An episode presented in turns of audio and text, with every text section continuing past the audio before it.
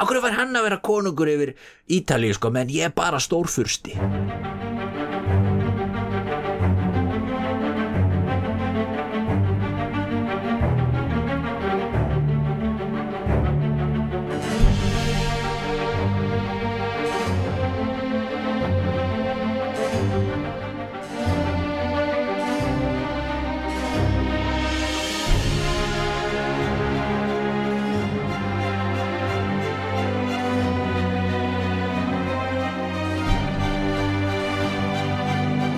Góðan sætt Ólafur. Blessaðan Andri. Árum eftir aftur í hlaðvar Jú. Og uh, það er nú tæknin eitthvað búin að vera að stríða okkur hér. Uh, hér í þessum tætti við erum nú uh, en við erum fjallræsir á vanda. Já, við erum það. Það er ég sem er alveg svo tækni eftir í þessu. Já, þetta er svona. ég er nú búin að læra askoti mikið að segja það Já, fyrir þá hlustendur sem eru, veit ekki hvað við erum að tala um en þá eru við sem búin að vera hér að taka upp smá, smá hlaðvarp og búin að lendi í smá vesinni en, en erum nú komin aftur hér. Já, þannig að því afsækið það gott fólk ef, ef við erum komin ykkur gals í okkur hér. En herri, við vorum hér að tala um að Napoleon í síðasta þætti. Um, eins og glöggi hlustendur uh, muna kannski eftir þá, þá voru við voru við að tala um að Napoleon uh, þegar hann í, var í Egeftalandi Það sem hann, er- já, var að vera svolítið svona drullusokkur að, að skilja þennan hersöðingi þarna eftir Hann, Kleber Já, Kleber, já, já, já. já. og drífa sig heim til Frakland til að bjarga sí- sínu, sínu kæra heimalandi Einmitt. Við ætlum með mynda að hérna, þú nefndi það við mig hérna áðan áður upptökur hófust að, að uh, þetta væri fyrsti þátturinn sem við erum með svona beint framhald af umræðinni síðasta þáttar. Já, og við ætlum eiginlega svona að ræða þess meira um það. Mér langt að koma þess að hérna að því við vorum að tala um í síðasta þetta þetta það mástu hérna um, um, um, um, um líðveldistímatalið já, það sem er svo merkilegt sko þú veist, þú vorum að tala um þessu franska þú veist, þetta, veist, þessi, þessi, þessi bjart síni skilur að hérna, þú veist umturna öllu og, og, og koma þessum hugmyndum í, í verk sem að menn höfðu haft svo svona. Og eins og og eins og hérna í dag er sem sagt þegar þessi, þessi þáttur er tekin upp þá er, þá er sem sagt uh, Messidor árið 228 og ég var að leita að íslenskum þýðingum af þessum, þessum mánuðum. Já.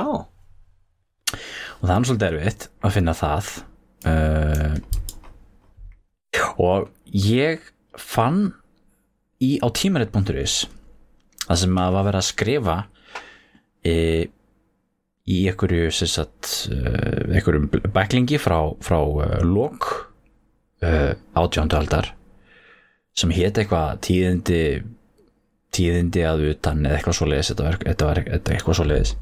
Þar sem var verið að tala um þessa uh, mánuði. Og þar fann ég og þar, þar sá ég að, að viðkomandi sem hefði skrif, skrifað þá grein. Já, minnisverð tíðindi hérna uh, 1790 og, og eitthvað. Og þar hafði hann sess að uh, viðkomandi hefði sett þýtt alla mánuðina sko. mánuðinir voru sess að eftir um, svona veðurfræðilegum uh, fyrirbreyðum og, og, og svona þeim hlutum sem er að e- eiga sér stæðis og þókumánuður, hrímánuður, snjóamánuður, vindamánuður, regnmánuður og svo framvís þannig að núna er sem sagt kornskeru mánuður Já, já. Sem kom inn á efninu. Það var sagt það sem ég vildi, vildi segja með þessu þessari ræðu minni. Það er kornskeru mánuður í dag gott fólk. Hendar einstaklega vel fyrir, fyrir Ísland að hafa, hafa slíkan mánu Nákvæmlega. Þetta er líka, ég fór svolítið að spá þessu líka vegna þess að það sem, að, það sem við munum tala svolítið um hérna eftir er, er valdarán hans, Napoleon sem hefur verið kent við átjónda Brúmer Já, þann átjónda Brúmer og Brúmer er sem sagt uh, oktober uh, oktober til november og það er þokumánuður. Já. Það er það sem að kunna frönsku þeir þeir geta staðfest það.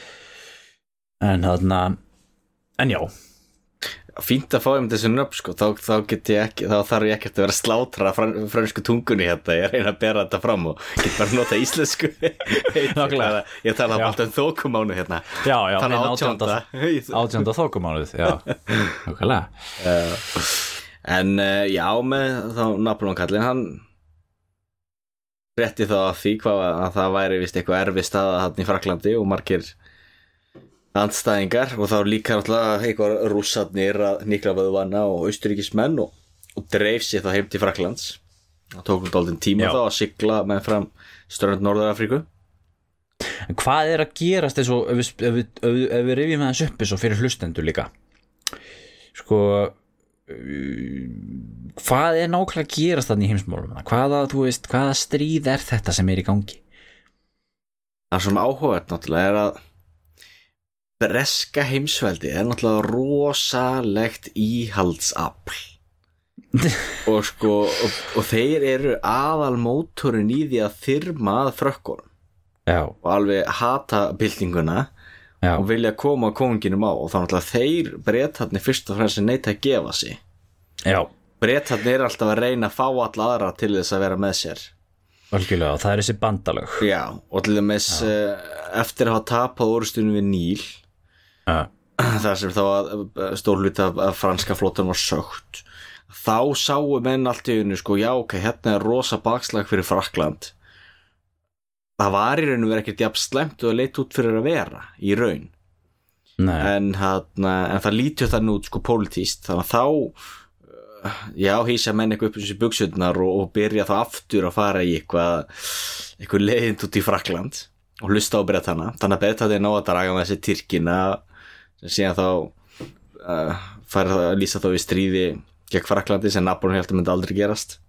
En hann hefði náttúrulega ráðist inn í ottomanveldið. Jú, það er alveg svo fyndið það er Napoleon trúði samt ekki að þeir myndi að ráðast á hann því og hann sagði alltaf að hann væri að berjast fyrir soldánin í, í Istanbul það var samt takk ekkert alveg frá honum það er mjög sérstækt það er mjög sérstætt það er að báð það, þetta er kannski þetta sé eina skipti í sögunni þar sem að tvær fylkingar haldaði fram að þessi að berjast fyrir sama mannin já, það er aðdeglur, aðdeglur hugmynd. Já, það er um að gera að kynna, kynna sig það. Já, en allavega þannig að það er náttúrulega eru mikið svona óviðski og já, þá náttúrulega er verið að þjármaða frökkum þannig að það er náttúrulega stór hlutið af hverju hann heldur heim. Já. sumir sakfræðingar hafa líka verið alltaf fyrir sér ástæðan fyrir okkur að fór líka, hlutið okkur að fór í þetta, þetta Egypta Egyptalands æfintýri var vegna þess að það var til dæru rólegt í Fraklandi já, hann alltaf uh, þetta eru þeir voru höfðveri í stríði áður. Napoleon er uh, búin að uh, sanna sig sem, sem mjög færi hersuðingi bæði á Ítalíu og, og í Egyptalandi og hann snýr þarna heim. Hafandi frétt það að hlutirnir væru að ganga eila það var uh, brettar og höfðu, höfðu gert reynd að gera hérna innrás í, í, í, í Holland og Ítala, eða sérst austuríkismenn sóttu að úr uh, í gegnum um, Ítalíu. Já. og, uh, og það var aðeins verið að þjarma að þarna. Og svo líka komin eitthvað rústneskir herir í Þýskalandi og að það var mikið var, já, mikið af anstæðingum og Fraklandi í tölverðir hættu Já, og hann snýr aftur sem frelsarinn mikli. Já. eða liðlöpi það, Já, eða liðhlaupi. Einmitt, af því að hann er per definisjón liðhlaupi. Já, Hann hafði fengið verkefni af því að það er enginn sem kallar hann heim Nei. í rauninni. nei, Hann, er, hann, hann, á, hann gerir það upp á eigin hundkvæði já en það þarna- er ákveðið svona. Og þetta sé maður líka sko hvernig svona góðsögnin er en þarna orðin býsna stór. Þannig að maður getur sagt svo sem að góðsögnin já, haldi svolítið svona. Því við skildi yfir honum. Algjörlega. En og hann líka kemur heim og náttúrulega er fagnað sem sigurvegara. Já, og hann uh, sigrar ykkurar orustur og þekki ég náttúrulega ekki um smáatir en algjörlega í þessu en til dæmis orðstunum píramítana sem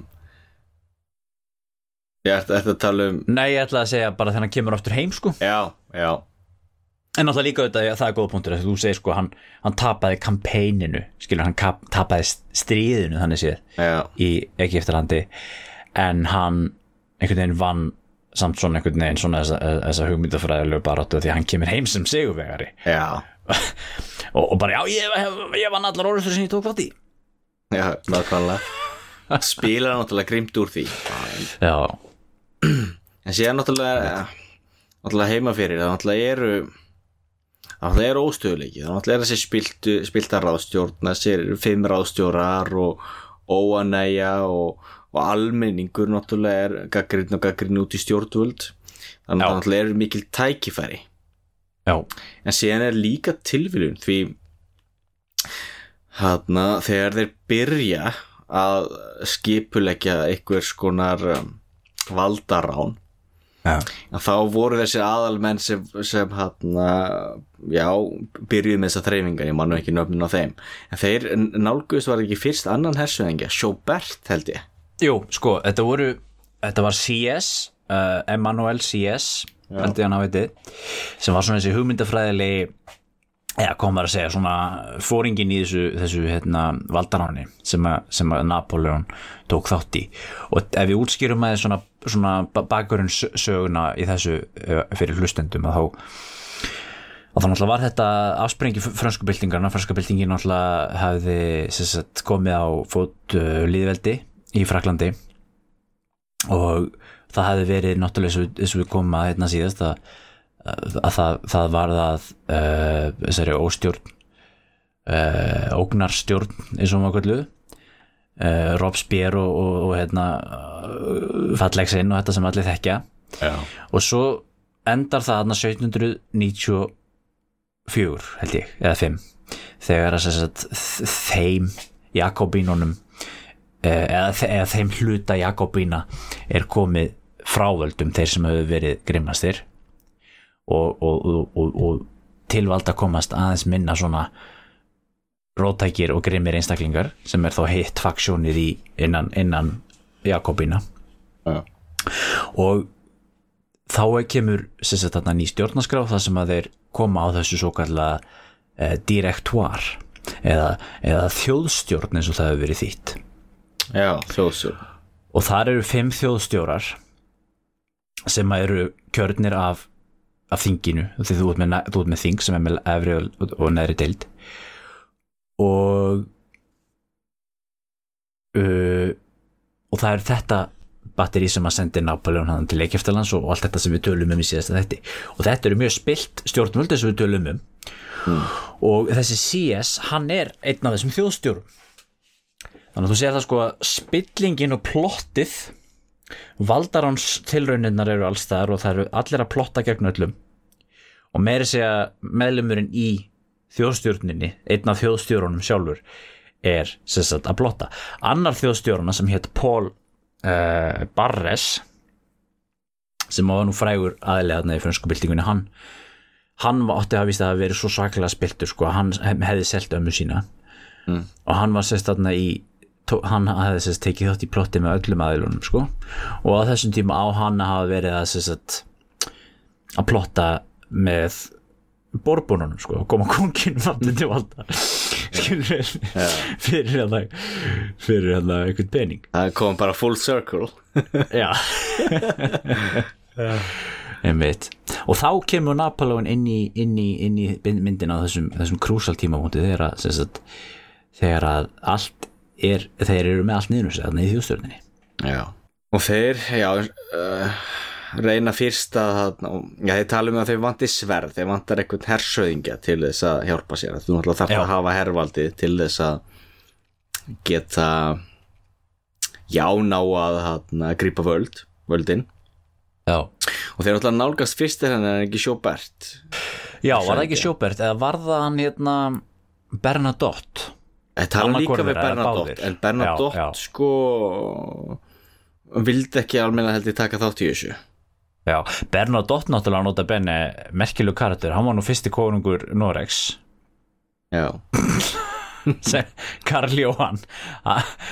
Ótrúld auksa til þess að einhver franskur hersöfingi sem að barðist í franska byltingarhernum hafi, hafi síðar orðið konungur yfir Svíþjóð og Nóri sko. það er mjög sérstætt, já það er mjög sérstætt, en það er önnur saga.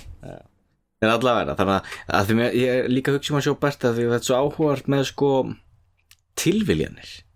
Já, að því þetta fellur hann uh, vinsætlæsöfingi Já. það náttúrulega opnar þá eiginlega sko þarna, rýmið og býr til ákveð tækverð þá fyrir Napoleon Já, þeir náttúrulega ætluðu fyrst ekkert að taka, taka Napoleon því hann var alltof, þú veist, stór fígúra já, er þetta að hafa stjórn á honum.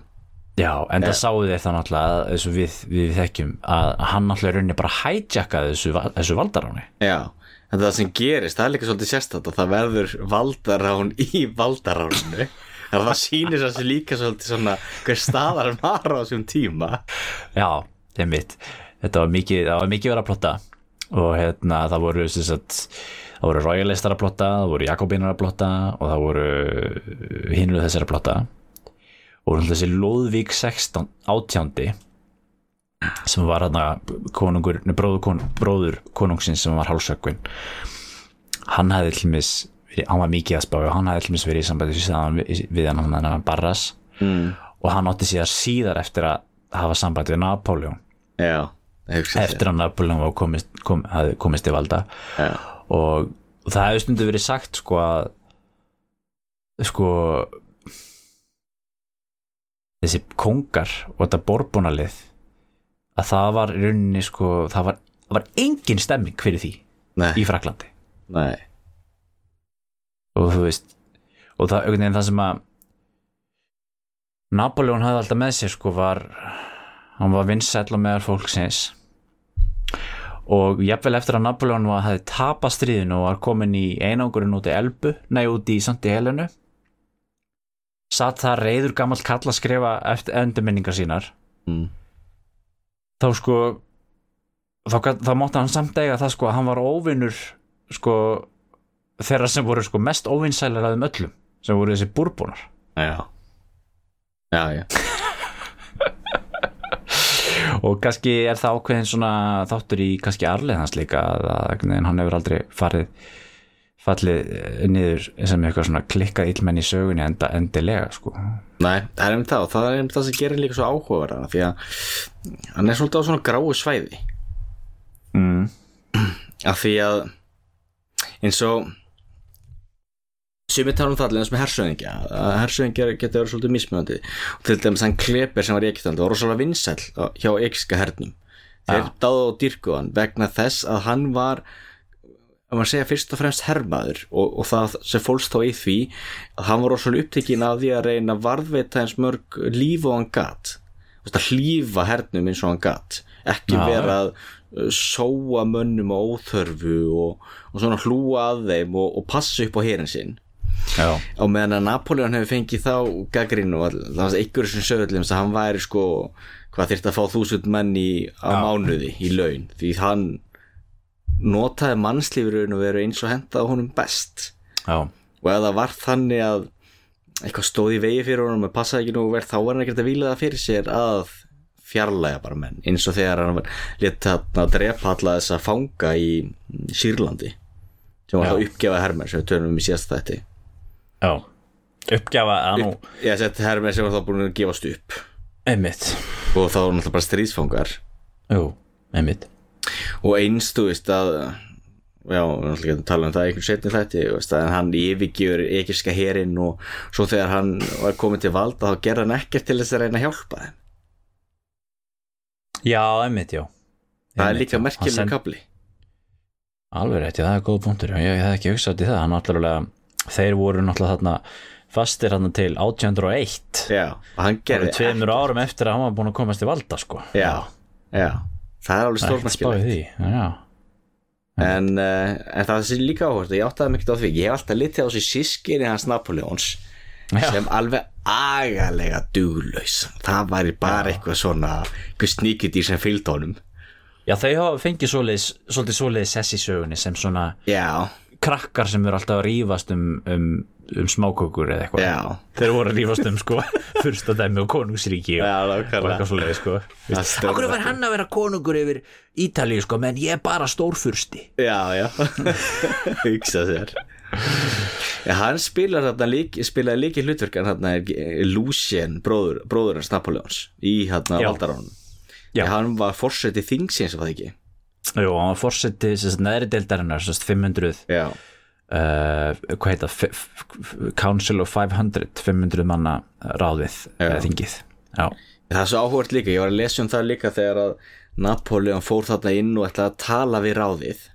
Já, og að- það er stórmerkileg lesning því þá sko misti Napoleon stjórn á skapi sínu já, og það skín í gegn þá er stórmennsku brjálað en síðan er líka spurning hvernig maður ætlar að skilgrina það. En þar sem hann tala öskrar og talar um það að stríðskviðin marseri á bakviðan og örlögin séu, séu með honum í liði og bara sko það slægt þögn á salir menn bara Já. veit ekki hvað er að gerast. Algjörlega það, hann, að það hefur verið talað um að þetta hefur svolítið verið hans svona low point. Já, já, og nú erum við að tala um sérst, uh, valdaránið þann átjánda þókumánadar já, árið 8 eða eitthvað. Já. 1799 og hérna og við, við sérst, svo ef við getum kannski koma aðeins aftur að hérna, að því vorum að byrja að kynna þetta endi í sögunar við vorum að tala um hann CS og, og hvernig hann honum vantaði eitthvað, eitthvað sverð. Mm. að sérst að uh, að sérst að uh, CS er náttúrulega ekki til fyrsta sinn sem hann kemur við sögu eins og ég sagði hann, hann er, hann er, hann er, þjó- þjó- þjóðstjóri þarna. Og hann hefði verið hvað var það, ábóti í klaustri já, held ég hann hafi verið eða allan einhver, einhver svona kirkjunarmaður.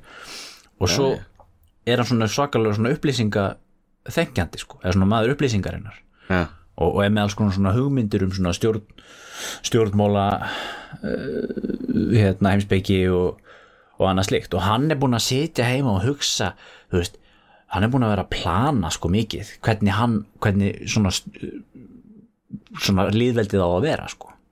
Og hvernig hann getur sérst, komið á friði og stöðuleika í, í landinu veist þegar þetta er búið að vera svo mikil geðviki þarna árun undan. Mm. og hann til mér talar um að veist, hann, vill, hann vill breyta, hann, vill, hann var búin að skrifa hann einhverja stjórnaskrá sem hann vildi sest, koma á það sem átti að vera með eitthvað svona, hérna, svona, svona, svona forseta fígúru sem að, eða svona eins og við myndum eða bara svona forseti Íslandskilur eða, eða svona þannig. Svona, fí, svona valdalus fígúra sem að hérna held ég að heiti hérna Grand Elector eða eitthvað svo leis á ennsku já, já. og hérna og og hann sá sjálfan sig í því, fyr, í, í því, í því hlutverki til dæmis. Og svo, var, og svo sá hann fyrir sér þessa konsúla. Mm. Að það áttu að vera þrýr konsúlar sem áttu að stjórna. Þetta var hann, var hann búin að búa til í þessari stjórnaskrásinni og uh, en hann er ekki maður gjörða, hann er meira svona maður hugsana. Mm. og hann er engin stjórnmálamaður hann er meira svona hugsuður bara sko. Þannig að hann var ekki neitt í stöðu til þess að til þess að geta gert neitt í þessu valdaráni sko, hann heldur en bara að plana það sko. Og þess vegna að við vorum að tala um aðan að sverðið Napoleon eða veist að það var svo létt fyrir Napoleon að bara hijacka þessu þessu, þessu, þessu valdaráni sko. Og það hættir þetta að snúast um hennar CS og hans hugmyndir og fyrir að snúast um Napoleon og hans hugmyndir. Mm.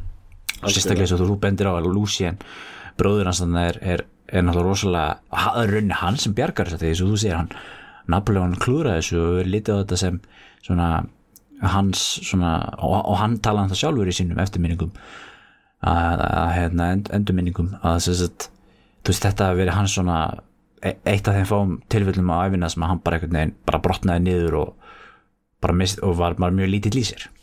Já, já lítill í sér. Það er vel orðað, það er alveg rétt.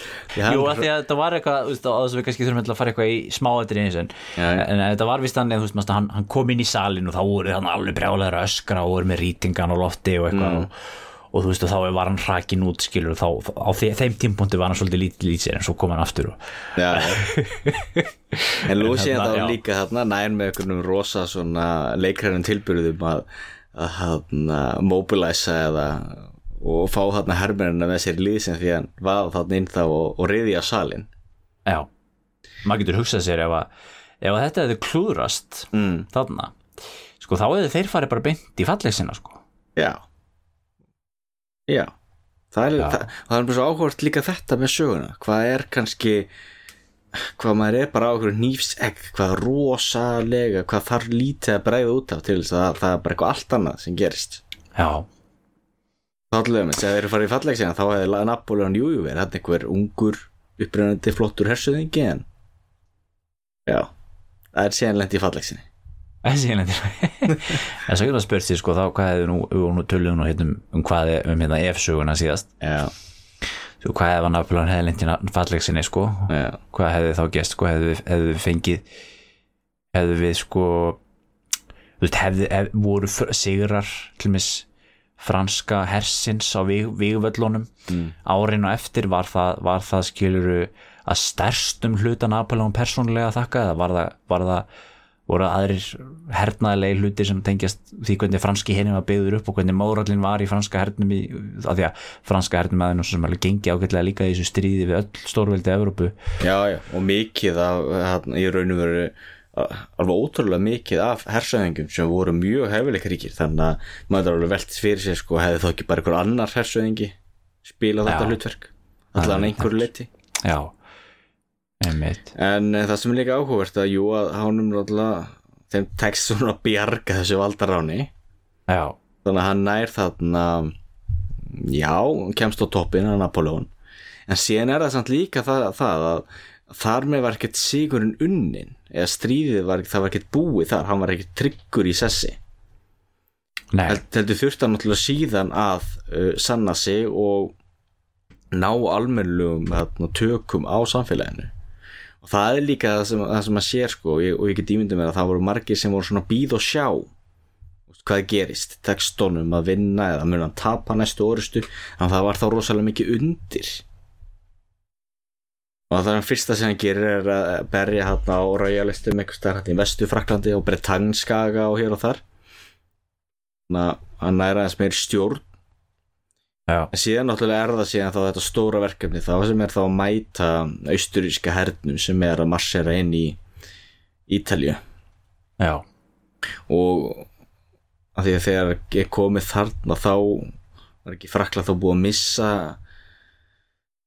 eiginlega allt sem Napoleon hefur sigrað á Ítalju já, einmitt, þau voru búin að klúra því sko. Og búið að klúra því.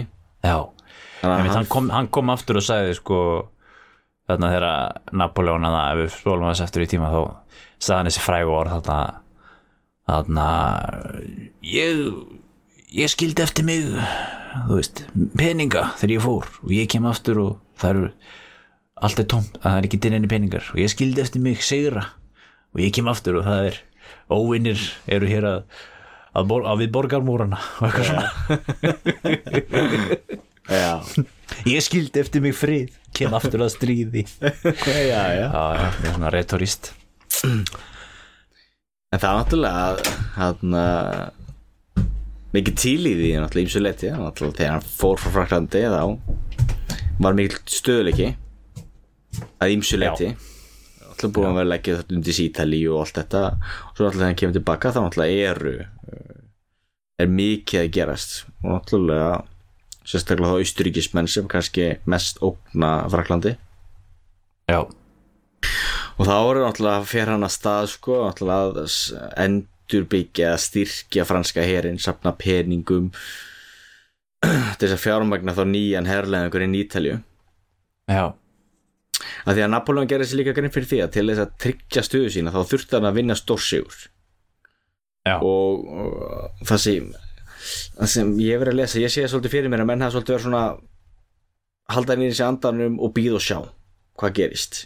Já, þannig að þannig að það var rosalega mikið undir og náttúrulega framtíð hans náttúrulega var algjörlega undir hvort að myndi ná að sigra eða ekki.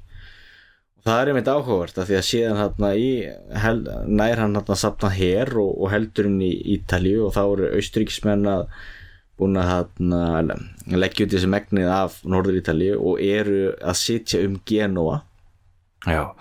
Hvernig var það, þú var ekki kom ekki fram að, að sagt, samkvæmt þessari stjórnarskráðir að þá mátti, sagt, að því hann hafi verið settur í, sem, í stöðu sem fyrsti konsúl? Já,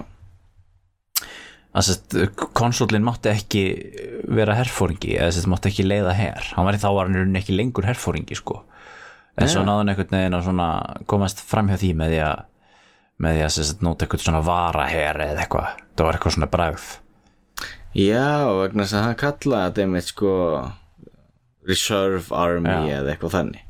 Einmitt, Já. ég held að það hefði verið eitthvað svona tricks til þess að til þess að hérna, fann einhverja svona lagalega smugu já, já, já. Til þess að geta fengið að stjórna hernum sko.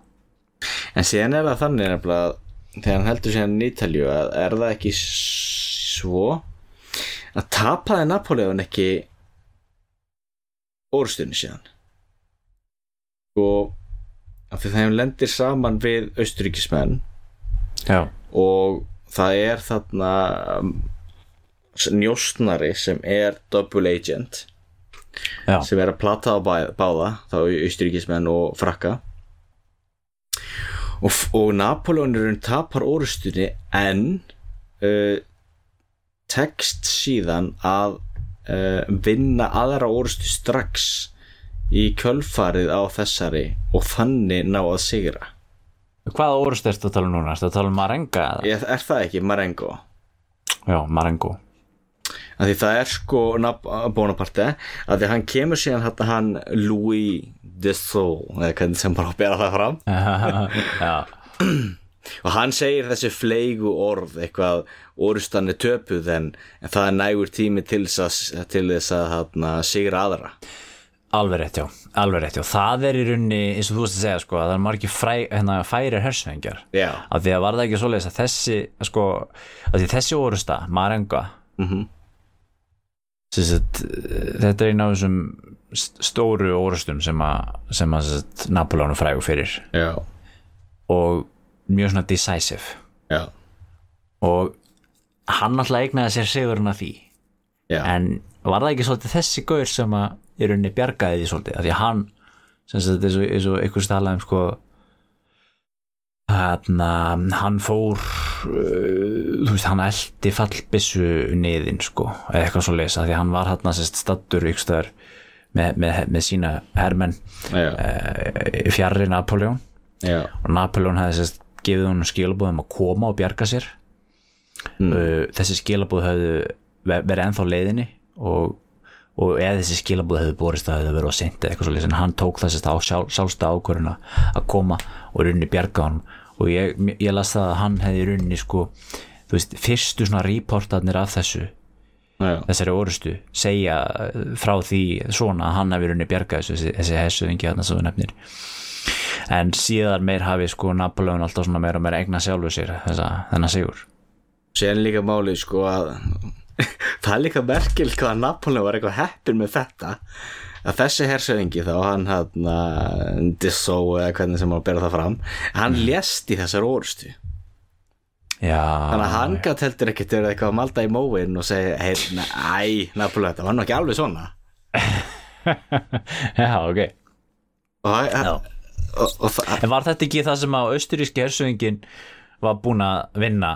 Sérst, og hann var búin að hérna, var farin bara að borða hátæðisbátt og skrifa skýrslu heimum um að, sig, um að þeir hefðu sigrað orustuna og, og ætlaði að fara hérna, já, já, af því að, að því að Sigurinn já, var, já, Austuríki var búið, var búið að vinna orustina og, og voru þá bara að, já, fara að elda frakkana og bara reyna að taka eins margir til fangu og gátu og þá náttúrulega kemur byrtið síðan allt í þessi 6.000 manna hér og einhverjar fattbissur með þeim.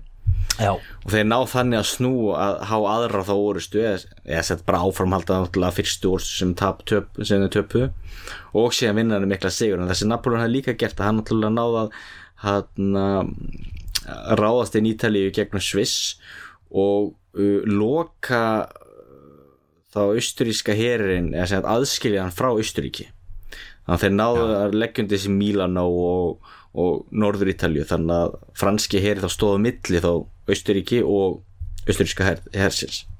Já, þannig að það er náttúrulega hlutaði af hverju þetta var síðan svona afgerandi sigur. Já, og þá náttúrulega þessi sigur þá náttúrulega síðan þá tryggði það er að miklu leiti síðan að Napoleon hefði náða að festa sig í sessi. Já, þú myndir segja þessi, þessi orustöfu Maranga hafi verið hvað hva áhrif hefur þessi ár, orustöfu svona myndir þú segja hann uh, sannar sig, að hann sýnir öllum að heppnin er ennþá með honum að, að stríðskuðin sé að marsera eftir honum. Já, einmitt. Nákvæmlega. Og þannig að en, en síðan er það líka áhvert því eins og við erum að tala um þetta líka Napoleon náttúrulega er líka alltaf að já, blása sig upp og gera meira úr sér sko.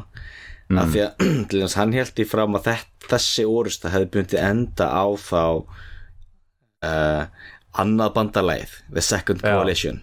Já, en það stennst ekki því það sem batt enda á það var síðan önnur orusta sem var mikið stærri. Já, sem var háð í söðu hluta Þískland rétt hjá uh, munn hér þar sem já, að Hóen eitthvað. Já, að ég er að reyja þetta ég ætla ekki að hóa lalala,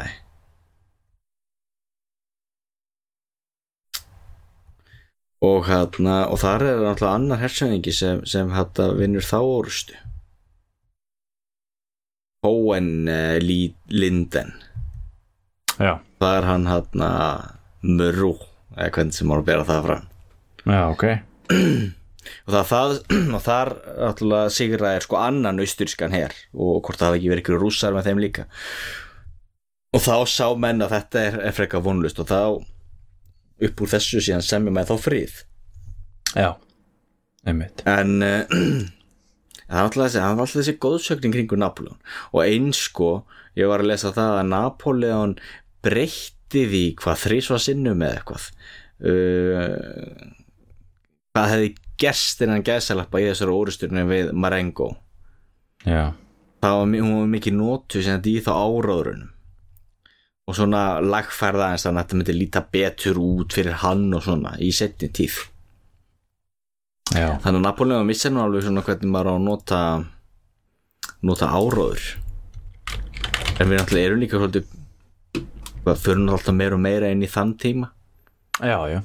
Hann alltaf, hérna uh, hesturinn hans hétt Marengo. Hmm. eftir þessari orustu og það var einmitt hestur sem hann fekk frá hérna Egiptalandi sem það var svona brítaður þar. Það var svona, svona elitu hestur. En já. Allavega. En það er líka, já, eitt að þú tala um en hest. Hann, hann, hann fór í gegnum sko Saint Bernard skarðið í, í Sviss. Já, og það er vist fræg mynd frægt málverk þar sem hann málverkið. er á rosa flottum hesti hann reyðist ekki á þessum hesti yfir skarðið því að hana, svona, þessi hestar er ekki nú fótvisir þannig að hann reyðist á okkur svona múlasna já. en það er nú ekkert flott. Kallir alveg okkur glóríu múlasna svona. Nei, Og í málverkinu stendur sko Charlemagne, Hannibal svona, í, í, í, hérna, í spórunum hans sko. Já, Já, það er alltaf þessi þetta er svo aðteklu verið þessi, þessi svona veist, þessar hugmyndi, manna þessum tíma og þessara þessara umbóta manna sem er að koma á þessu, þessum liðveldinu bæði þarna og líka auðvitað í bandaríkjónum svona þetta, hvernig maður líti alltaf aftur á, á rómörtíman já, og Napoleon er svolítið svona, við höfum talað um þessi Egyptalandi þar það sem er að reyna þú veist að feti fótspor Alexanders. Þannig er svolítið að feti fótspor Caesar sko. Svona hersöðingi sem kemur hérna þú veist sko með svona triumph já, og, og hrissar völdin sko og hérna einmitt konsúl og þessi, eh, líka þessi orð sko konsúl Mhm. og þú veist senat og allt þetta sem það nota já. og hérna meiri segja sko eins og mig hérna, þessi, þingmenn uh, á 500 manna þinginu Já. veist, þeir klættu svona rauðum tóka já, svona svakalega svona undarlegum einkennisbúningum þingmanna sko já. einmitt, einmitt, það, er ótrúlega mikið málverkum frá þessum tíma já. og eins og líka að og áhugavert eins og bara líka með nöfnin á hinum af þessum ríkjum sko, eins og þau kalla sko Já. Holland verður að, er ekki Batavíska líðveldið einmitt. og, og bataníska Júgoslavi helvetía já, helvetja fyrir Sviss og, og hérna það sem var síðan Júgoslavi að setna það kallaði Illyrju. Illir þetta er svona rosalegt referens alveg þvílík og svo náttúrulega sjálfsög sjálfsög rómverska liðveldi sem að þið stofnaði í, í hérna við Róm. Þetta er merkilegt er mjög og svo að sjálfsög náttúrulega gerist hann keisari. Já, og hann náttúrulega gerist keisari setna, hann, hann tekur það skref árið 1804 að, að hérna, þá er hann búin að konsolidera sig, sitt vald þarna algjörlega uh, eins og þú komast að og, og hann er náttúrulega líka búin að gera alls konar svona innan, innanríkis umbæ, umbætur svo hann kom að þessum frægu uh, þessum fræga la, lagabálki sínum. Já, og, og hérna fettar þar í fótspor Jústiníunasar já, og annara og hérna og fleiri, fleiri umbætur sem hann, sem hann kom á og hérna og svo gerist hann keisari hérna 1804 og, og við vorum að ræða það hérna fyrir þáttinn að sko einmitt, það skref að, að, að þú veist, taka það skref að, að, að, að láta grína sig keisara. Eh, við þú hefur nú nefnt það hérna og við höfum talað um það veist, að það er grundu allar munur og kon, konungju keisara. Mm, skilur við og veist og þetta, þetta það var algjörlega sko skýrt að þetta átti ekki að vera veist að endur koma monarkísins í Fraklandi sko heldur átti hann að vera sko keisari fólksins skilur hann var keisari frakka þjóðarinnar. Og keisari líðveldisins hefur verið að stundu verið kallað þó svo að hann hefði komið á keisaradæmi skilur og hann var kosin nota bene keisari. Og maður getur auðvitað alltaf þú veist, sett spurningumerki við þessar kostningar hann þegar, þegar þeir sérst, eftir hann átjónda brúmer þókumánuð þá, hérna, þá, þá heldur þeir kostningar sko til þess að sérst, kjósa nýju stjórnarskrána þar sem að konsúlin var, var sérst, konsúlarnir voru, voru settir við völd og þetta. Og þá sko, þú veist, niðurstöðnir eru kannski eitthvað 99% skilur já eða eitthvað svona. Já, og, og, og jú, vissulega menn án að tala um það, vissulega var þú veist, með þessu stuðningu fyrir þessu svona, kannski ekki alveg svona mikið menn voru að rigga, þetta voru, þetta voru mjög riggaða kostningar okkar mæli hvaða sko. já, til dæmis það sko að þeir það voru eitthvað þrjár miljónir sem tóku þátt í í þessum kostningum sko. Já, þar að voru sko helmingurinn, þú veist, einu hálf miljón eða eitthvað, voru sko hermenn. Og þeir sögðu bara, þú veist, já, hermennir þeir segja bara já, skilur þeir, þeir þurfu ekkert að kjósa. Þannig að kannski helmingurinn skilur var bara komin en, en það er líka hann var svo, hann var svo hann, flinkur svo hæfileikar ykkur í líka sko að ná uh, hotlustu hersins. Já, að því jú þrátt fyrir það og ég var múin að tala um það með allan og svona svona haga sér svo drullisokkur og hefur nú geta verið bet, komið betur fram við uh, hermenninu sína já, að þó sérstaklega þegar að passa á honum og hann náttúrulega gerði þessi grein fyrir því uh, að þá hann að segja náttúrulega því að þeir þurftu almennilega föt og skó, þeir þurftu pening, þurftu mat. Þannig að þegar hann þurfti herin til að gera eitthvað sérstætt fyrir sig að þá lagði hann rosalega mikið á sig til þess að ná því. Já, það er allir það sem hann gerði með Ítalíu herin fyrir allt þetta þegar hann lagði undir Ítalíu fyrst, í fyrsta skipti að sama sem hann gerir líka með þennan reserve her þá fyrir Já. orustuna við Marengo og, og leggjum Ítalíu aftur. Af því að hann alveg hann stóð sér þar og þannig náttúrulega náðan hermennunum náðan hotlustu þeirra. Já, af því að hann passaði upp á þú veist, að, jú, að borga þeim og fæða þá og láta þá hafa já, sjá svolítið um þá. Sérstaklega náttúrulega fyrir miklar orustur og, og þegar þeir eru að vinna eitthvað svona þrekverki eins og bara það að fara í gegnum alpana á þessum tíma í snjóum og snjóflóð og umurlegar aðstæður og krefjar, krefjast rosalega mikils. Já, og ekkert hver sem ekkert gert þetta og þeim eins að gerðu uppreisnir hérna inn á milli og þurftu að hóta að skjóta heilu hersveitirnar þeir myndi ekki halda frá marsera. Já, þannig að hún tókst það alveg þannig að það er alltaf stór hluti því okkur okkur kemst til valda að hann er alltaf með einhvern her já, já. Það minnir líka náttúrulega líka á líðveldi, líðveldistíma hjá Róm. Eins og Cæsar og Pompeius og þessi kallar sko. Þannig að voru með einhvern her þannig komast þetta valda. Hann alltaf vinsæll Napoleon og, var alltaf vinsæll uh, og líka eins og, eins og við tölum um hérna sko þegar hann, þegar hann kemur aftur úr uh, frá þegar hann var komið frá öldum árið hvað var 1812 mm. nei 14 þegar hann var settur út í Elbu einu Elbu. Já, og, og snýr svo aftur til þess að taka við uh, í, í, í, í hund- hundra daga áður hann endanlega yfirbúðar að þegar hann snýr aftur þar og kemur á ströndina þá, þá, þá er hann fagnað sem hetju og, og þeir herir sem eru sendir gegn honum snúast með honum á sveif. Já. Og það er aldrei magnað sko. En En það er líka, og það fyrir líka að þú er búin að tala um þetta líka með upplýsingastefnuna og allt þetta og að Já. hrinda þarna og kasta til hliðar uh, í haldinu það sem alltaf gerðist líka með Frakland og það er alltaf stór hluti því að af hverju Frakland var svona öflut okkur franski herin var svona rosalega sterkur. Já, að þarna allt í einu gáttu menn risið upp og komist áfram á hérna eigin uh, metóðum algjörlega. Og þetta var svona verleika menn samfélag já, á meðan til dæmis þessi austuríski hersöðikinn sem leiddi hérna austuríska herin Ítalíu gegn Napoleon hann var 80 ára já, Vist, hans bestu dagar voru lungu liðinir Vist, hann var bara ennþá að hugsa eitthvað hvernig hernaðurinn var þú 1768 eða eitthvað. Hann, hvað hefði það náttúrulega Súr, Súr og Nov eða eitthvað svo leis hann nú bara einn af þessum Nei, hann er ekki rústneskur Þessi hérna, hann hétt eitthvað von Mesel held ég eða eitthvað já, já, já.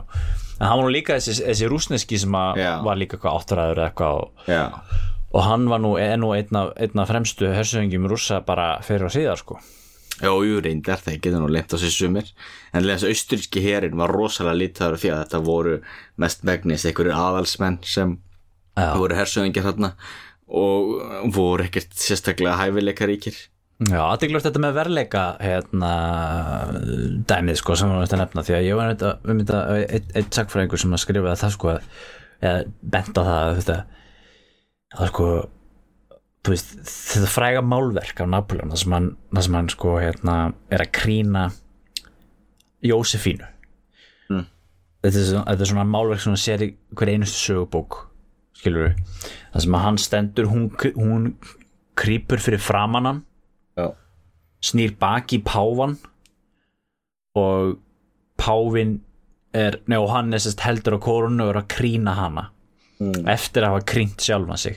Þetta er oft þetta málverk alltaf, alltaf tala um þetta sem svona þú veist svona hérna þú veist ultimate hroki Napoleon sko að, já, þú veist að, að, að, að þú veist taka pávan þarna og, og láta hann og leifa hann mikið einu svona krýna sig eins og, og Karla Magnús gerði sko og, og, og þeir allir sko heldur, heldur tekur hann kórun frá páanum og krýnir sig sjálfur.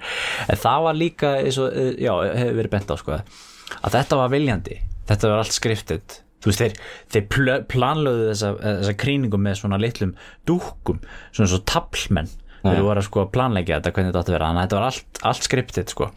Og Páin vissi alveg að hann myndi gera þetta svona. Já. og en þá er einmitt svolítið svona symbolist sko að það var einmitt ekki Páin sem var að krýna. Mm. Páin var þarna til þess að blessa hann Mm og veit honum svona stuðning kirkjunar og það var rosalega mikilvægt að hafa stuðning kirkjunar til þess að fá meira svona legitimacy eða frá, fyrir, fyrir fólki því að kirkjan var þrátt fyrir allt þó svo hún hefði verið einn helsti skotspót byltingarinnar og þá var hún samt mjög um, vinsæl hjá, hjá fólkinu og, og, og fólk margir vildu fá, fá hana aftur uh, upp, upp á þessu marki.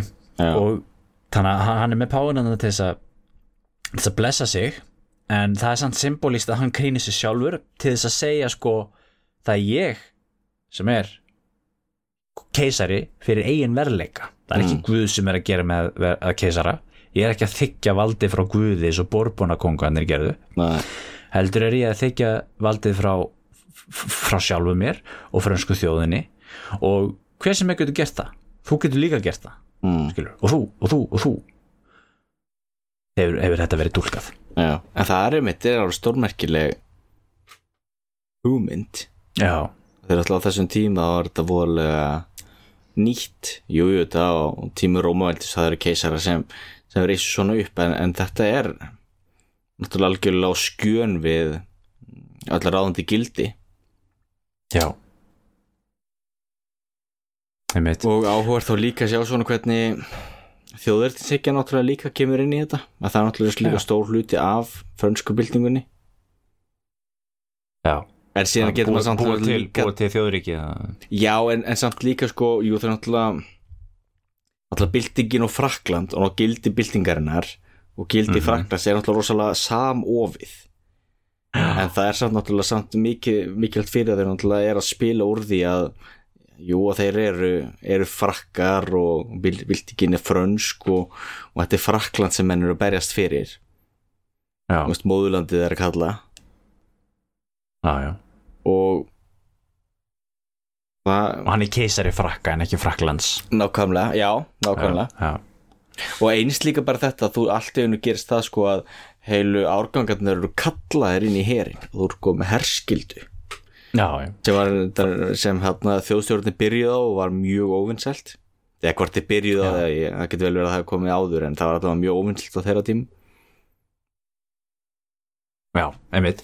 Algjörlega, þetta er, þetta er svona tala um þetta sem svona, svona fæ, fæðingar vöggu hérna þjóðuríkisins, mm. franska byltingin og, og, og, hérna, og það allt saman sko algjörlega en ef við tölum aðeins um þetta crucial moment þegar, þegar hann, hann um, uh, Napoleon er búin að grína sig eða hann, hann er búin að búin að að trefsa völdin hann eftir, eftir þess að spiltu uh, ríkistjórn og hann er búin að sigra hann orustur og konsoliðira sjálfa sig og, og, og, og, og sitt uh, sína ríkistjórn mm.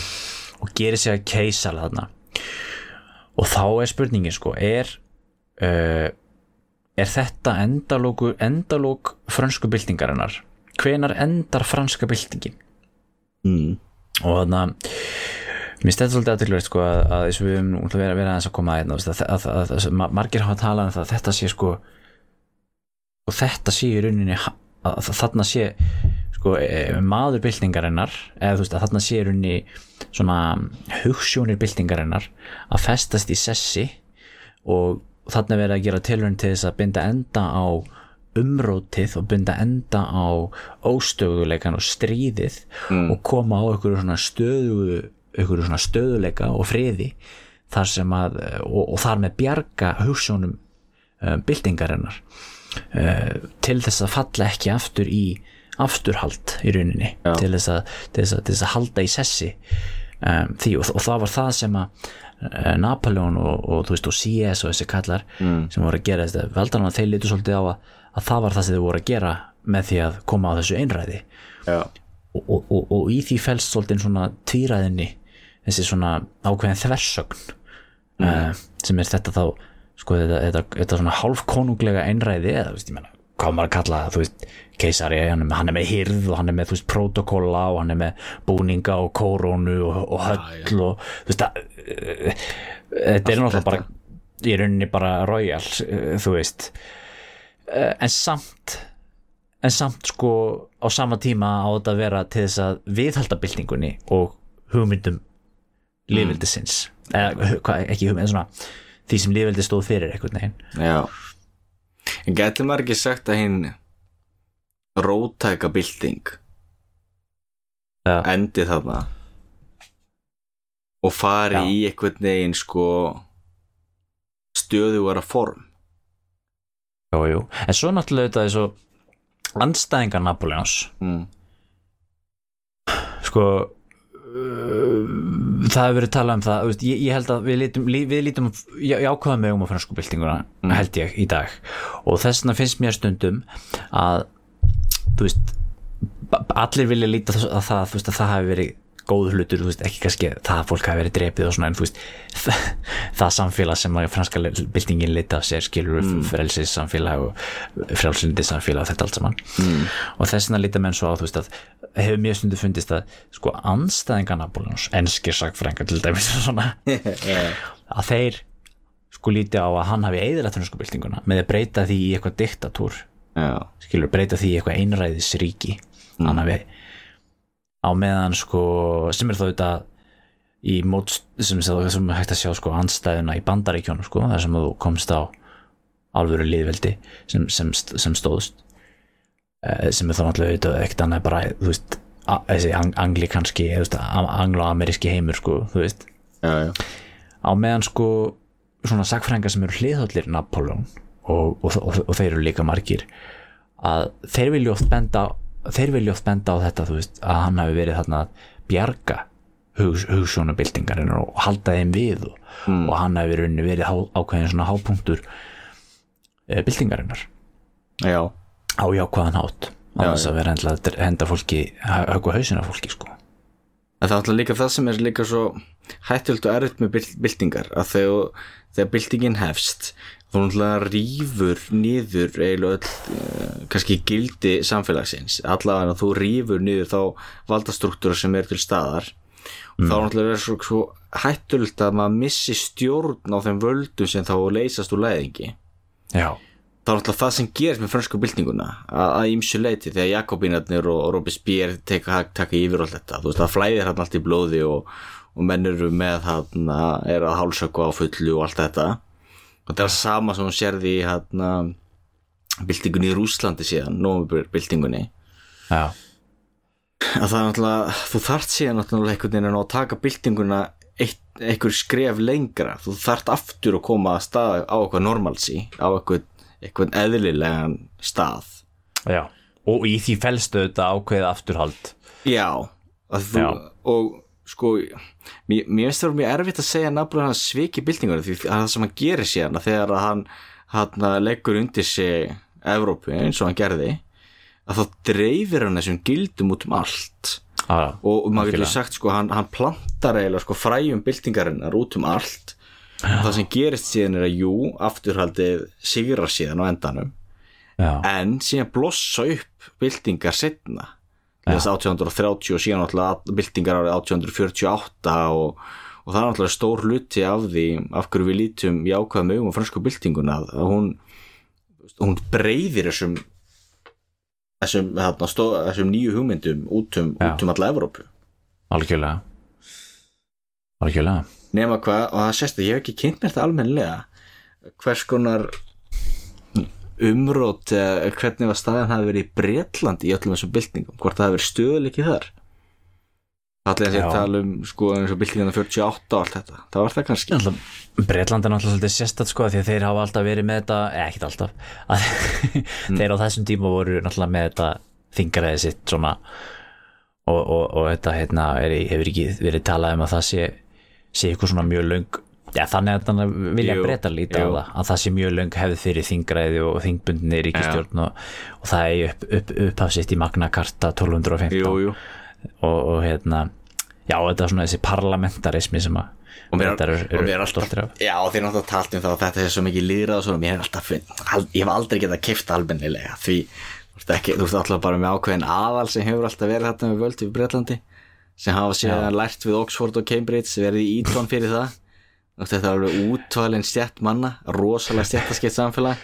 Og svo alltaf eru þau með eitthvað svona háleit markmið og orð. Æ, ég hef alltaf fundið þetta voðalega svona hræsni hjá að þetta stuppusna drengir frá Eton sem að hafa stjórnað Breitlandi síðsliðin ári. Nákvæmlega. Það var flottur hann hérna Cameron, David Cameron sem Já. að sem að hérna sem alltaf var í einhverju svona campaign einhverju svona kostningabaratu og ákveða að fara að láta sína sig með hérna almúanum það var okkur fótboltaleik að borða pilsu Já, já, nákvæmlega. Og svo að borða pilsuna með nýju gafli Já, einmitt. Þetta er alveg, þetta er ótrúlegt. Og meira að segja, sko, veist, Boris Johnson er svona ítónstrákur hann er bara, Já, hann er bara hluti af þessari elitu sem hefur verið við völdu Bretland bara eh, mörg hundruð ár. Breski aðal, en ekki það það er nú eitthvað sem við getum talað um setna en ekki það, Já, maður verður nú vikuna þetta hefur nú virkað því það hefur verið mikill stöðuleik í Bretlandi. Jú, jú, pólitísku stöðleiki hefur nú, hefur, nú, hefur nú verið í Breitlandi held ég, já. Já, maður getur sagt það. En breytar, mjög aðteklega þessi viðhór breyta í fransku byltingunni og það er og, eins og þetta sko að, þú veist, að það eru það er nú verið talað um að og þessi stríð öll sem að, sem að þú veist uh, þessi, þessi byltingarstríð og svo þessi napoleonsku stríð Já, sem að náttúrulega sko bera hans nafn skilur og hann í, bresk, í, í, í, í þessari sögurskoðun sem að breytar komu á eftir stríð náttúrulega þá, þá var þetta alltaf þú veist, þeir voru þarna bara að stoppa þennan klikka einræðisara sem ætla að leggja undir sætla Európurinni bara eins og tölum við sittni heimstyrildinni eitthvað svona. Já, já, og, og þú veist, stríðin eru köllu na, sko, Napoleon styrjaldirnar skilur, mm -hmm. þú veist, nafnið ber með sér að hann hafi farið í stríði við alla Európu, skilur, og hafi svo verið yfirbugaður af, af öllri Európu eins og við myndum geta að tala um, sko, þú veist Hitlerianska stríði, Já, sko, já. eða eitthvað skilur, bara stríðið gegn, gegn Hitler og það er þannig sem að menna á stundum tala um setni heimstyrildina sérstaklega í Þískalandi bara stríðið gegn Hitler já, já. Og sér, Og- já, já. Já, það, það er kannski þessi breska mynd sko. Og svo Og- líka, já, ég er bara verða að skjóta það þetta, þetta fer alveg í þjóðar á mér og það er síðan fylgir síðan ekkert sögur hérna hjá Bretonum að, að þeir náttúrulega síðan eignuðist þarna Ceylon eða sem var síðan Sri Lanka og já, Trinidad og þeir tóku við Suður Afríku frá hérna Hollendingum og það er svona, það er alveg látið liggja svona, látið, það er ekkert verið að nefna það allt og mikið sko, hvernig berska heimisveldi svona stækkaði aðeins eitthvað í þessu Napoleon styrjöldum Já og þeir fengu byrju Quebec og það, það var fyrr var það ekki, það var ekki fyrr. Þannig í Ameríku. Ég veit það ekki. Bandaríkinn fengu Louis- Louisiana uh, sem var frönsk línenda sem, að- sem að þeir frakka neittust þess að selja. Uh, og það til mér sem við tala um að með þessi Louisiana sko, þar, þar er ennþá leifar af þessu napoleanska laga þessum lagabókstaf Napoleons sem að hann kom á já, meðan það var frönsk nýlenda frakka. En aftur að sögu skoðunum Napoleon og hvernig þú veist, hvernig þú veist þessir þú veist þessi, þessi breska, breska ætta það sögu skoðun skilur sem, að- sem, sem er svona neikvæð sko. Já, og ég, svo sem auðvitað ekkit allir getur eitthvað gaggrýna það endilega veist, það er bara einlega til þess að sjá, sjá það og það er alltaf auðvitað þetta maður að sjá það með, á mörgum á marga vegu. En svo er aðri sem lítið á svoleiðis að, að Napoleon hafi eins og ég sagði það hann vildi bara konsolidera byltinguna hann vildi bara koma á friði. Og hann startaði ekki stríði við neitt segja menn. Mm, hann var í rauninni allan tíman bara að verjast bretum og það voru alltaf bretar sem stóð alltaf á bakvið allar öll þessi bandalög gegn þeim. Já, og þá finnst mér aðdegluvert að þetta sko, hvað stóð bretum til í rauninni? Vegna þess að þegar Napoleon var kom, búin að komast í valda um, sem konsúl minni mig að það verið þá frekar en okkur mjög tímumóti þar sem að hann sest sendi bóð til breyta og spyr um frið. Getum við fengið frið núna? Mm. og, og þá svara breytar, herðu já, við getum fengið frið. En fyrst þurfum þið að sagt, koma uh, binda enda á fransku byltinguna binda enda á lífveldið og þau þurfum að koma Louis, hérna Lúðvík átjönda til valda aftur. Og þau þurfum að uh, hverfa frá öllum landvinningum og aftur til landamærna eins og voru 1789 þeir er basically að fara bara aftur til 1789 mm. já, já. Og náttúrulega já, já. En það sko, maður getur spyrst því sko hvað hérna, veist menn hafa auðvitað nefnt að breytar hafi verið þarna í hernælum þetta hafi verið það það hafi verið talað um þetta hafi verið þetta með þetta Þú veist, að breyta vilji, vilji, vilji, vilji, ekki að eitt veldi verið öflur en annað á meginlandinu. Mm. en svo, hefur, svo var það ja, hvað leiti heldur þú að þetta hefur verið veist, strategíst eða hu- hugmyndafræðilegt þessi, þessi stríð sem að breytar voru svona mikið á móti? Ég myndi halda að væri bæði. Bæði ótti við það að verðu ofstert sko ríki þá á meilandinu og þetta var borðið það saman við allir eins og Róma á móti Karthago þar sem þá Frakland hefði getið orðið Róm og, og breytatnir sem. Þú veist, þannig hugmyndir sko. Að það er náttúrulega að það er náða samina sko megnið að Evrópu gegn breytum þá hefði maður nú svo sem unnið breytan á endanum. Já, En svo held ég að stór hluti að sé- sé líka svona undirríkjandi eh, bresk heimsvaldastefna sem var nú mjög sterk alveg já, þangað til svona lok fyrir heimstyrjaldar Bretarnir hafa náttúrulega verið mjög duglegir eða voru mjög duglegir við að auka sitt, eh, sitt eh, nýlendu veldi eins og að gátu. Einmitt. Og sáu sér náttúrulega þarna já, náttúrulega leika á borðinu náttúrulega líka sko, það er líka svona ákveðin hræstni Bretarnir náttúrulega voru mjög upptekna og börðust alltaf fyrir sko frjálstri verslun mm þeir eru náttúrulega börðust fyrir frjálstri verslun vegna þess að þeir náttúrulega réði yfir höfurum já, þeir náttúrulega voru með aðal skipin það náttúrulega voru þeir sem stjórnuðu því hvað þessi frjálsa verslun þýtti já, og náttúrulega ef uh, Frakland hefur roða stert þá náttúrulega hefur getað pröfað sig að myndi ykkur tollabandalög og ógna þannig breskum mörguðum og slíkt. Og fjárhagsvöldi náttúrulega í að segja að verslunamenn í Breitlandi náttúrulega höfðu mikið haga af því að vera með frjálsa verslun þá innan geðsalappa sem er þá verslun á sem væri þá háð breytum já, þannig að náttúrulega peningar náttúrulega er þá mikið hluti af þessu. Og náttúrulega það er náttúrulega hluti af því að okkur berska heimsveldi var svona móti Napoleon og og Fraklandi það náttúrulega að hætta við að missa markaði. Og missa Já, þessa það einokuna stöðu sína sem er höfða ímsu leti Já, já það er merkilegt að þeir náttúrulega eh, beittu náttúrulega tala um um, um, um, um, hérna maritímt veldi sko að þeir uh, náttúrulega beittu þá hérna sótkví, nei, það er ekki sótkví hvað heitir, hvað er orðið ástur hérna?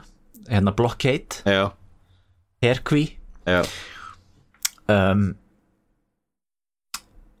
og, og náttúrulega frakkar reyndu svo að gera það sama gegn breyttum já, með þessu continental systemi sínu sem var samningur við alla á meginlandinu um að vesla ekki við breyta og það er mjög aðtekluverð pæling.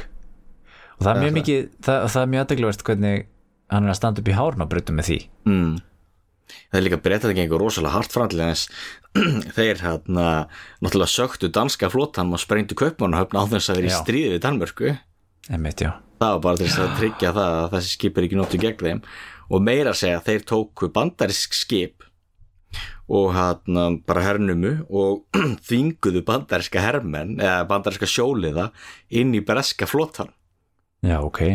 Já, það er hlutað eins og okkur bandarikin fóru síðan inn í stríðið 1811 í 1812 þá færðu þetta undarlega aðtekluverða stríð sem hétt stríðið 1812 Já. á milli breyta og bandaríkjumanna það sem að að breytar hvað, brendu hvításið Já, við eftir að tala um þess að taka þátt um það. Það sem þá var reyndar bleikt. Það var bleikahúsið.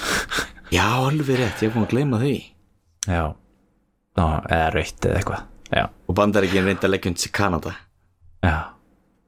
Bandaríkin náttúrulega ja, og það er alltaf auðvitað önnur saga en, en sko bandaríkin voru nú með alls konar varnaplun og árásaplun gegn Kanada að 20 stöld. Já, liggjandi hann í skúfu sko. Já. Hugsa sér, það er sérstætt að hugsa það núna. Já, mitt. En þarna Já, þetta er aðdeglega og, og einmitt þetta sem hún segir með, með, með kaupmannahöfn. Þeir náttúrulega beittu þarna uh, rakettum, mm. svona eldflögum og er það ekki fyrsta sinn sem að eldflögu voru notaðir í hernaði? Já, uh, Rocket Artillery. Já, Stalins orgel. Já. Þarna, og, og það var nú áttu nú eftir að hafa mikla aflegginga fyrir okkur uh, því að það auðvitað fekk Dani inn í stríðið á, á hlið mm. hlið með breytum, nei frökkum sem aftur gera það að verkum að, að hérna, Danir voru nettust þess að skrifa undir kílasáttmálan sem að Mm. sem að hérna, sem er merkilegt fyrirbreið sem er sérst sáttmálinn það sem að árið 1814 þegar þegar sérst Danir þurfa að láta eftir Noreg til Svíþjóðar og og þar er sko, þar sem Ísland og Grænland og Færi er verða eftir undir Danaveldi. Mm. og uh, munum ég á nögt til að lesa þennan samning? Friðasam, friðasamning Já. og uh, ég þú nú kannski ekki að fara með það með minnir að það sé bara einu sinni minnst á Ísland í þeim samning. Já, já, og það sé þegar þeir segja norska konungsríkið uh, færist yfir frá Danmörku til Svíþjóður og svo bara innan svega nú, nú er ég svolítið svona parafreisa þegar hann langt Já, síðan já. lasi þetta. Sérst innan svega Ísland færi að Grænland fylgja ekki með, punktur.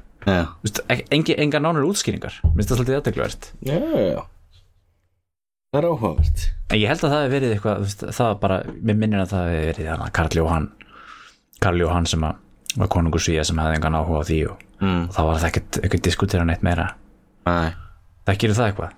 Ég þekki það ekki En ég get alveg ímyndum mér að hafa eitthvað þannig því til að breytum náttúrulega bauðst oft að taka yfir Ísland, kaupa Ísland eða hvað það var en menn sínduðu nú alltaf voða lítinn áhuga þannig að það var svona ekkert eftir miklu að slæðast, slæðast hér. Með mig, nefnitt sérstaklega ekki, og sérstaklega náttúrulega því að þú veist, ekki með eina fisk við lögsögu eða neitt þannig, það var minnst að mála að sigla frá Grímsby eða einhverjum bæjum í Bretlandu og, og veiða fisk við Íslands Já, strendur þannig að þetta hefur náttúrulega verið rannsakað oft og hérna aðdeglilegt málefni. En aftur að um, Napoleon, svona svo fyrir nú svona þess að klára þá umræðu. Hérna það er eitt sem um, alveg svolítið eftir hann hérna sem er líka svolítið merkilegt eða svona svolítið sem tengist þið svolítið því þú, þú komst inn á rúsnesku byltinguna. Já, sem er náttúrulega önnur svona bylting önnur svona, svona, svona stjætta barata og eða svona stjætta stríð mm, og hérna þá eru komin hérna 100 ár fram í tíman það sem að sko það sem allt er búið að gerast þannig á 19. öldinni sem maður myndur að líta aftur til frönsku byltingarinnar og allt þetta og, og það er einmitt aðtegluvert að því hann Karl Marx hann skrifaði hérna Backling eða reitt 1850 eða eitthvað sem heitir hérna átjöndi Brúmer uh, Ludvíks Napoleons þessast Napoleon 3 Já, kannstu við það?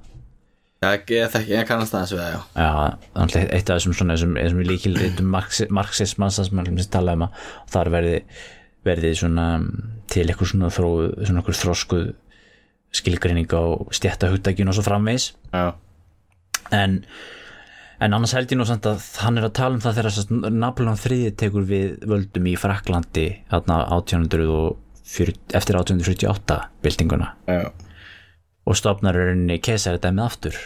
Napoleon III fyrir það sem ekki vita er, er sagt, hvað var hann, bróðursonur Napoleons fyrsta?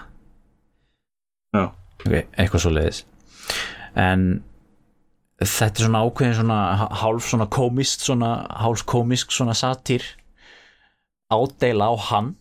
Já, en þar er sagt talað um það sko að hann, hann þar, þar er Marx að tala um sko kemur, kemur með frækt kvóti í því, í því, reyti sem er hérna sérst, sagan endur tekur sér alltaf. Og í fyrsta sinn er það harmleikur og í annað sinn er það farsi. Já Það er, það er góð lína. Og þá sérst var hugmyndið svo að, sérst, að þegar að 1848 byltingin í Fraklandi er sérst í rauninni hann tólkar þá sem sko proletariat þegar öregarnir er að, er að gera þá byltingu ekki ekki sko hérna miðstjættin eða hva, hvað var hérna þú veist lögfræðingarnir og þeir verslunarmenninir Já, burgeisarnir heldur er það sko öregarnir sem er að gera þá byltingu og, og, og sem sagt að þeir ná ekki að koma á kommunísku samfélagi þar en fyrir daginn.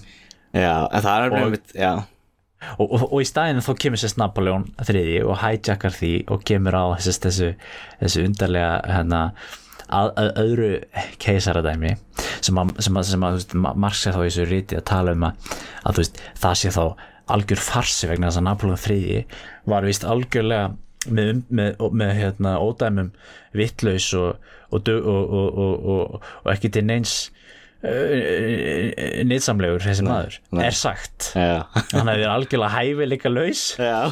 og hafi bara verið vinsætla meðal sko eitthvað svona götulís og svo hermana Já, segja og, og, og hérna og bænda. Já. skilur við þannig að hérna og því litið er það þá þú veist svona innan marxisma er þá komin þessi kenning sko um bónapartisma Já, sem er þá sko þegar að þegar það verður bylting en hún er síðan tekin höndum af einhverju svona borgaralögu einræði mm. Já þetta var nefnilega mikið vandamál fyrir Marx, Marx að útskýra hvernig þetta gætt farið svona. Og þetta er náttúrulega skjön við hans hugmyndir. Þarna Já. notar hann líka þá frak, hann Marx og Engels þetta hugtak sko lumpen proletariat. Já, það er þessi hérna Já, það var þessi götulíður. Já, það er einmitt, það er þessi götulíður og það er Já, þá já, þessir þetta þá proletariat sem ekki er uh, hefur þá ekki stjættarvitund nákvæmlega. Þetta er þá bara einhvers þessi óþjóða götulíður sem sem er þá kjarni byltingarinnar. Það mjög svona niðurlega þetta allt eitthvað að tala svona neikvæmt um þetta. Að tala líka um kartöflupokan þannig það var sérst, það er sérst bændastjættin eða Já, sem eru sérst þeir eru sko eins og kartöflupóki að þú getur tekið marga kartöflur saman og sett þær í póka já, það er samt bara kartöflupóki það er ekki, það er ekki, er orðið einhverjum nýjum hlut. Eins og ef þú tekur marga verkamenn saman þá er það orðið að einhverju svona sögulegu afli sko. Já, ný stjett ef þú tekur, tekur öræga og setur það saman.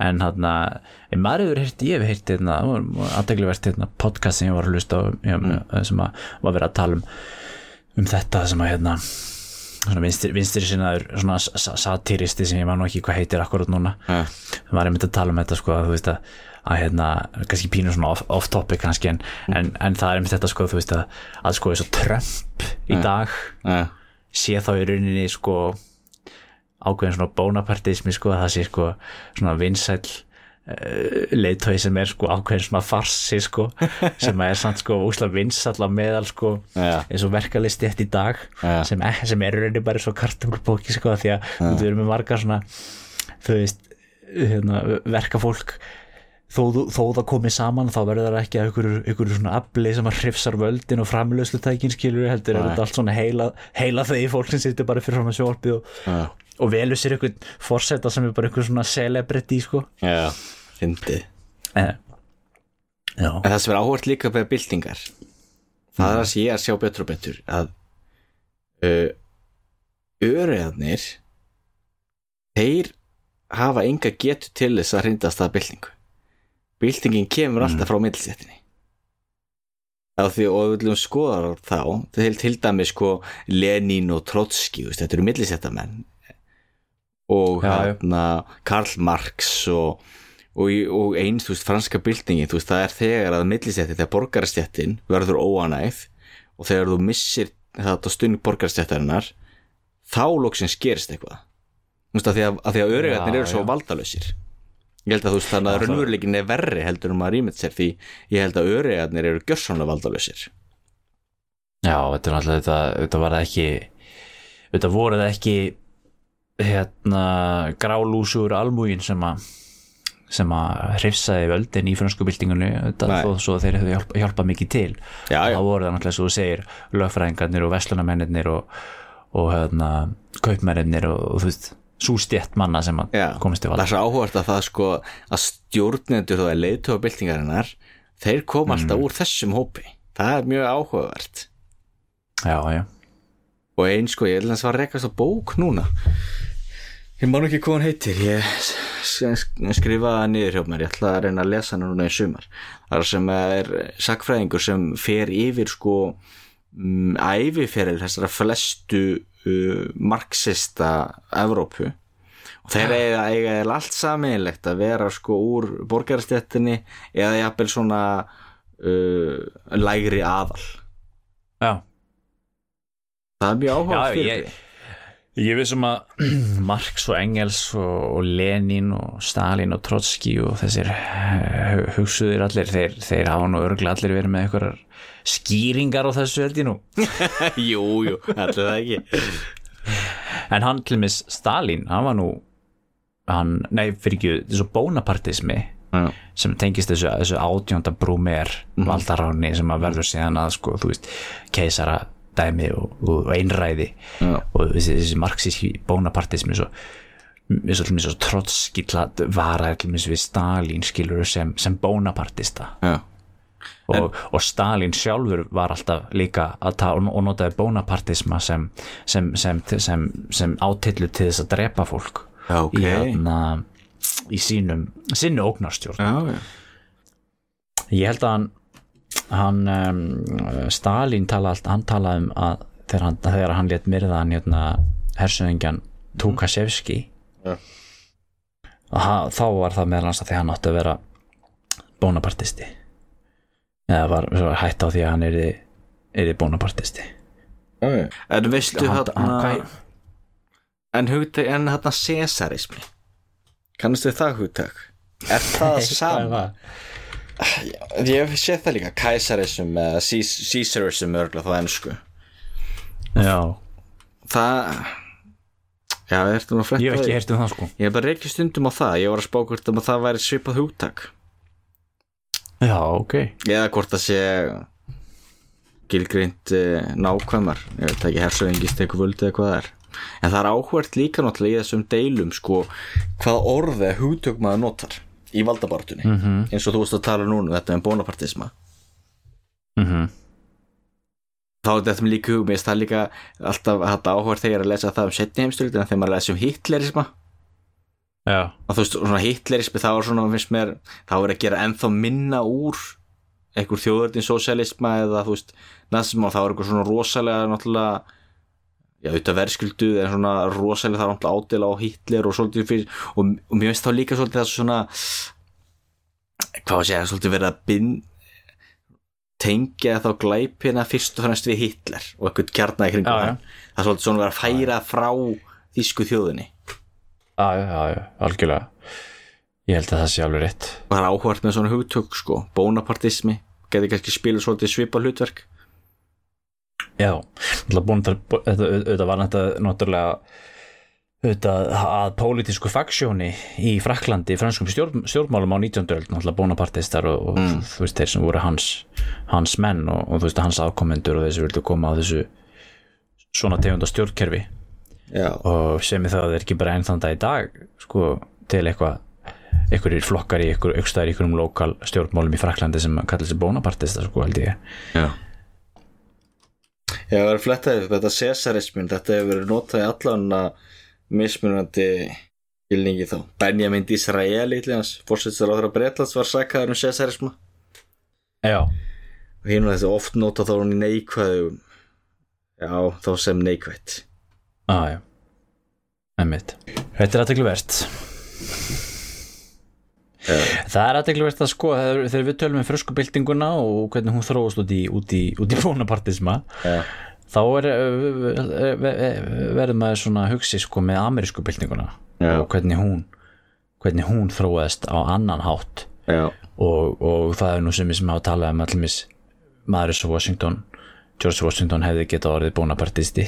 Já, en þarna, það er annað málefni sem við þurfum að taka fyrir endilega. síðar að bera saman þessi tvö fyrirbriði Já, og svo og eða jafnvel rúsnesku byltinguna líka. Já, algjörlega. Já, Það var mjög spennandi. Þess vegna ég að lítið á fleðmægt líka lítið á þýskubildinguna 1818-19 Þú veist uppu fyrir heimstöðin, þú veist okkur um já, mistókst það já, já, já. Einmitt, já. Það Já. er nóga bildingu sem hægt er að ræða Já, já, ég man alltaf eftir því að þú veist, það er oftir, það er oftir svona kursar í framhaldsskólum og í háskólum sem að bera heitið að tala um þessar byltingar og, Já, og svona, herðu, já, erum við ekki bara að fara að koma á tíma? jú, þetta er mjög gott. Allt í Við hérna uh, förum í sumafrí núna. Jú, um, ég er að fara að flytja og um, þú ert reynda nýkomin úr sumafrí jú, jú. Ég er að fara að pakka niður öllum mínu hafurtaski. Þannig að það verður nú ekki tekið upp hér hjá mér á næstu dögum. Nei, á næstu vikum. Nei, nei, Þannig að við uh, í Krímagju snúum aftur uh, hér eftir um, já, eitthvað tíman eitthvað tíman í haust líklega. Já, við sjáum hvernig, hvernig þetta hlaðvarp okkar þróast. Gera það. Ég var að segja það gott í bili Jöp, við gera það. Verðið þið sæl. Verið þið